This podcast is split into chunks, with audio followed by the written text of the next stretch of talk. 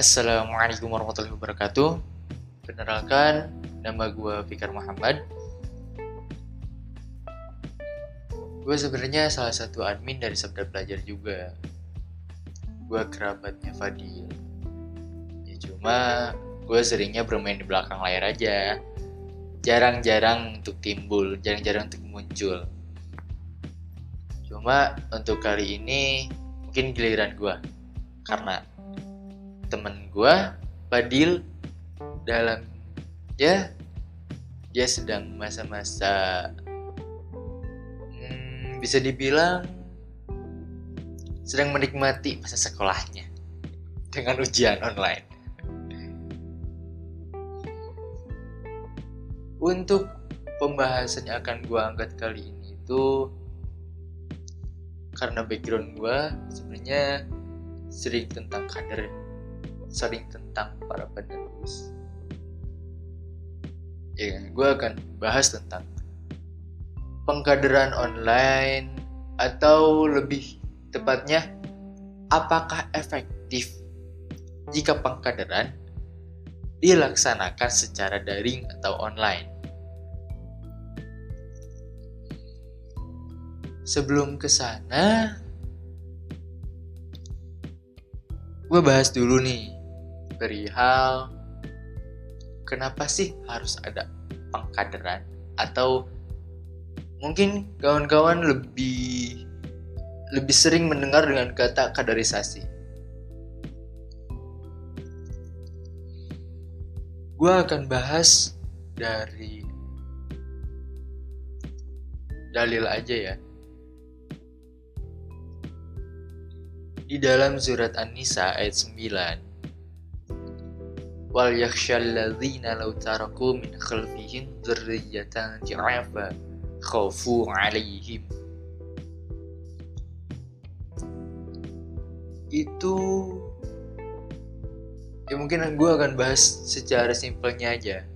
Karena kalau dibahas secara nahunya secara sorofnya balagoh dan ilmu mantiknya itu ya akan lumayan lumayan berjelimet lah gue bahas secara simpelnya aja.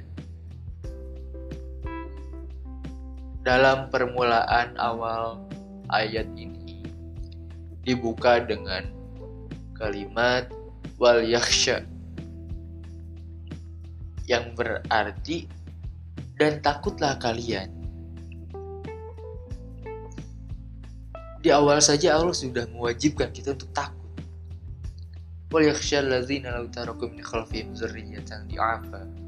dan takutlah kalian ke manusia ketika kalian meninggalkan generasi setelah kalian dalam keadaan lemah Kofu alaihim dipertegas lagi oleh Allah takutlah kalian atas keadaan mereka atas segala hal yang bersangkut pautan dengan mereka dalam bahasa Arab sebenarnya penegasan itu hanya cukup dua kali. Seperti di surat Al-Insyirah atau Asyar ayat 5 sampai dan 6 itu berbunyi fa inna ma'al usri yusra inna ma'al usri yusra. Setelah ada kesusahan setelah ada kesulitan pasti ada kemudahan. Begitupun ayat keenamnya, sungguh setelah kesulitan pasti ada kemudahan. Tuhan kita itu sebenarnya sudah sangat pengertian, sudah sangat peka, sudah sangat sangat sangat peka. Gak usah kita kasih kode-kode lagi kayak cewek gitu. Ya, itu dua ayat tapi teksnya sama. Pasti konteksnya juga sama. Itu adalah penegasan dari Allah. Jadi dalam bahasa Arab cukup dua kali sebenarnya untuk penegasan. Jika lebih ya berarti kita tidak bersyukur. Begitupun dengan Anisa ayat 9 setelah Allah awali dengan kalimat perintah kita supaya sangat takut sungguh-sungguh takut. Setelahnya Allah kan beri penegasan lagi alaihim takutlah. Untuk yang pertama Allah itu buka dengan kata khosyia. Khosyia yaksha jadi wal yaksha itu takut eh, dalam kondisi jiwanya. Tapi kalau khofu sama artinya eh, artinya dengan dengan takut sama. Tapi konteksnya itu untuk dari segi uh, fisik dan sebagainya. Jadi lengkap bahwa Allah itu memerintahkan manusia supaya takut baik itu meninggalkan setelahnya generasi selanjutnya itu dalam jiwa yang lemah atau fisik yang lemah lengkap kita yang hari ini masih hidup kita yang hari ini masih bisa berpikir menalar dengan sangat bebas, jangan sampai melupakan generasi selanjutnya. Allah telah memerintahkan dengan sangat sangat detail sebenarnya. Nah, dengan itulah pengkaderan atau kaderisasi harus ada.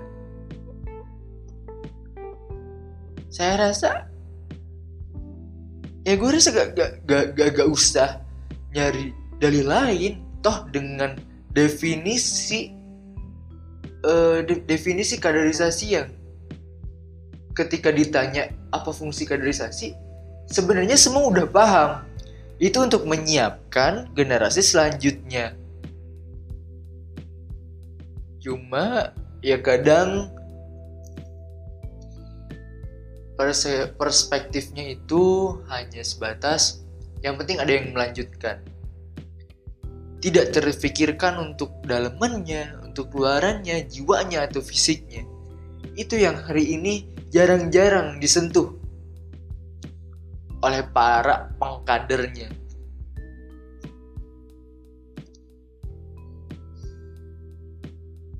Nah, dalam keadaan Indonesia hari ini dan bahkan dunia hari ini yang sedang bertempur dengan COVID-19 di mana kita harus stay at home.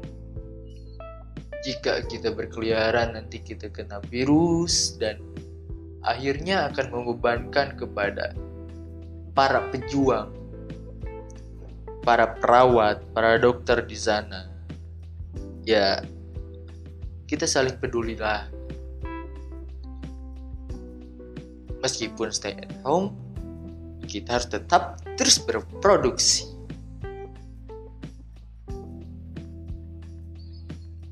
nah uh, Allah itu berfirman juga di ayat di surat Ar-Ra'd ayat 13 yang oh, maaf Ar-Rod ayat ayat uh, Ar-Rod ayat 11 di mana ya ini ayat populer tentang Allah tidak akan mengubah keadaan suatu kaum sampai mereka mengubah mereka sendiri. La yughayyiru ma biqaumin hatta yughayyiru ma bi anfusihim.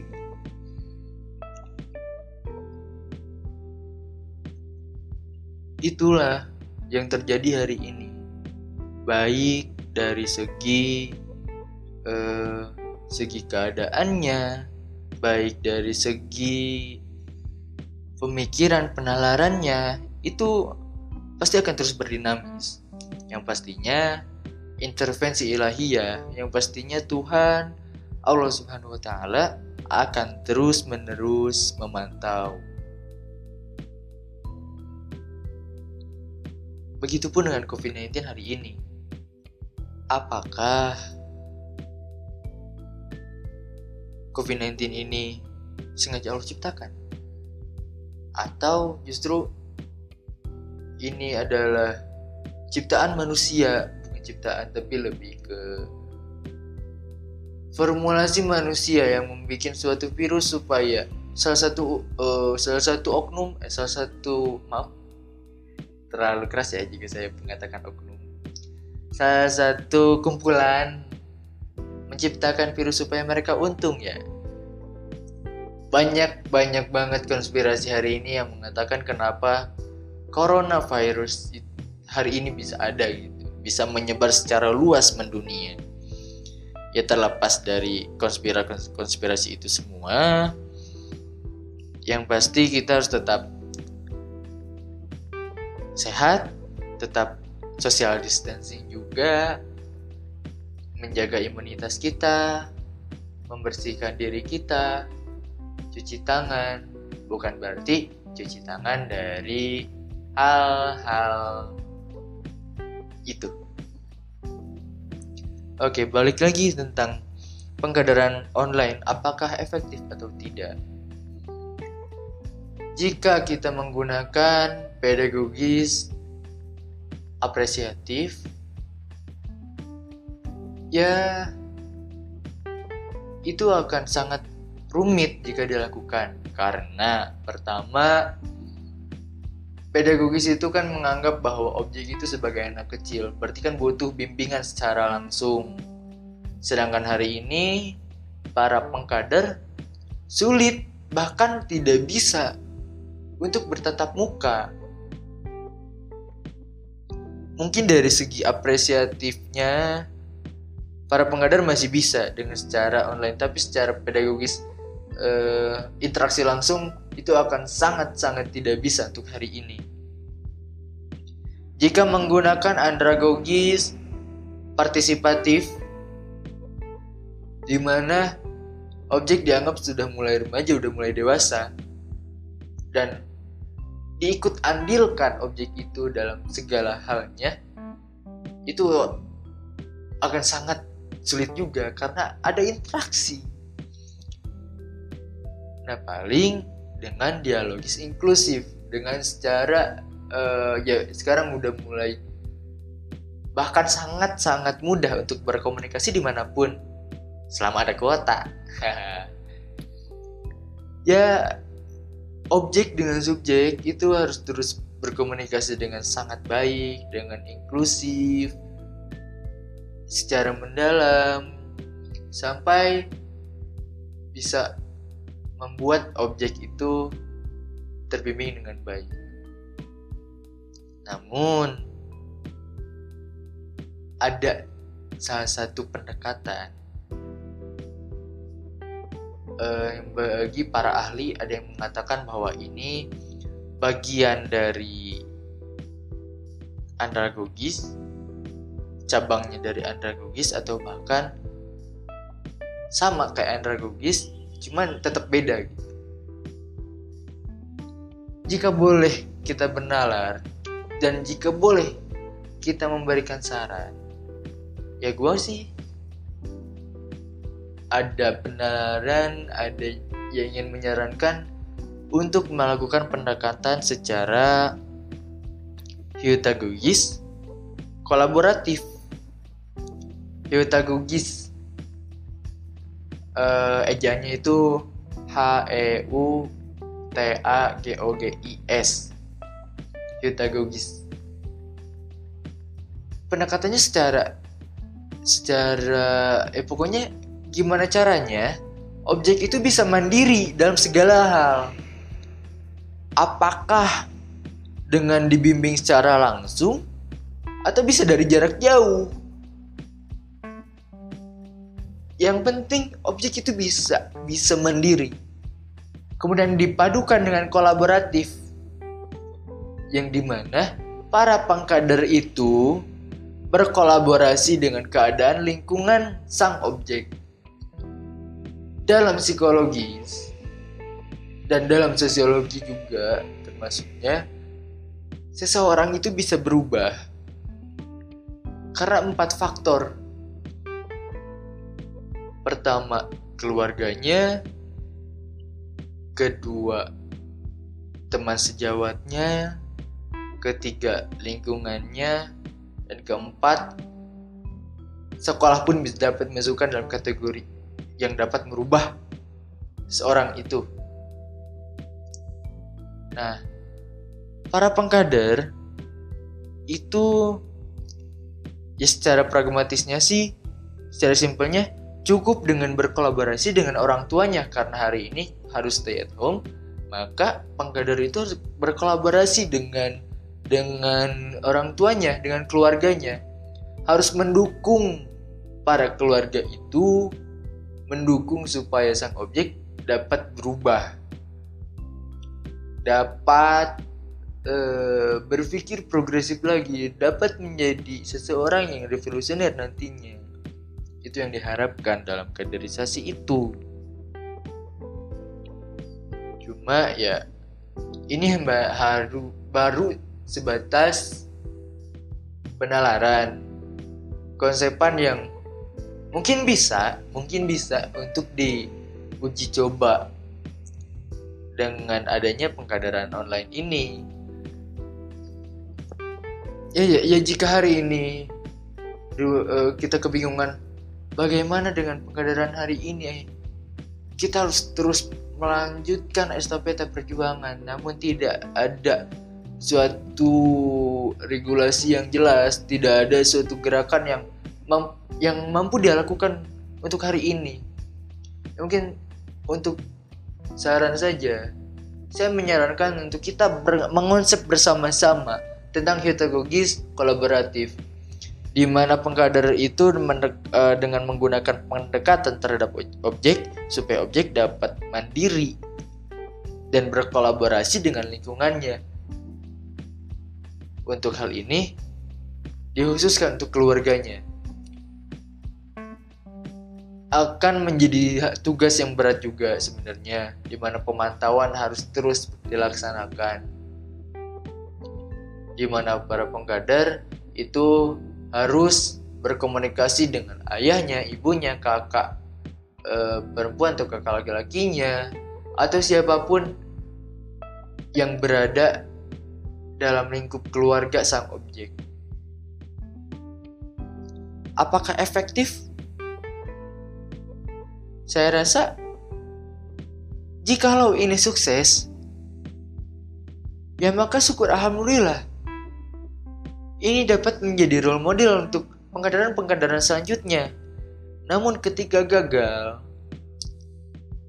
kita pun dapat mengambil sisi positifnya, di mana kita akan mendapatkan suatu ilmu baru, suatu pengalaman baru yang belum pernah sampai hari ini kita lakukan.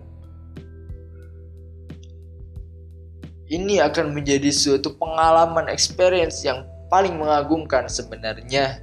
Ya kita dapat memandang dari sudut pandang yang lainnya.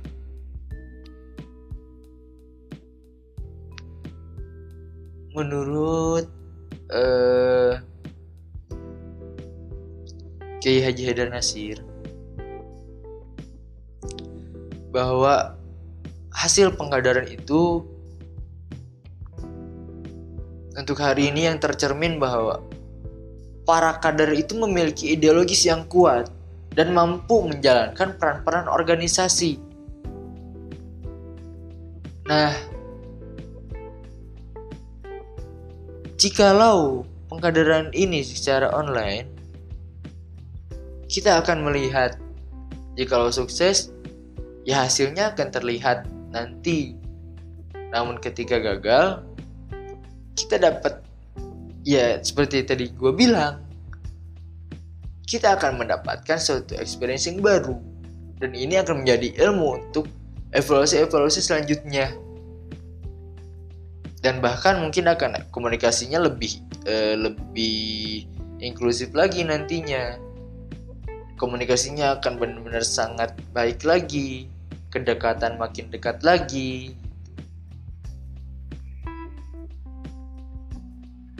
Ya mungkin itu dari gua. Penalaran-penalaran yang sangat sedikit dari gua. Namun jikalau mau kita berdiskusi, ayo silahkan uh, hubungi gue. Mungkin untuk pertama silahkan hubungi admin Sabda Belajar dulu di IG dan nanti ya karena gue adminnya juga. Kalau ada yang mau diskusi mari kita diskusikan bersama. Sabda Belajar gerakan penahanan sang pelajar yang mesti bebas dan merdeka. Mari untuk konsisten dalam menciptakan kader. Mari menuangkan, mengelaborasikan, dan mengaktualisasikan pengkaderan untuk menciptakan kader yang didamba-dambakan. Saya Bikar Muhammad Sikrulwaton. Terima kasih. Wassalamualaikum warahmatullahi wabarakatuh.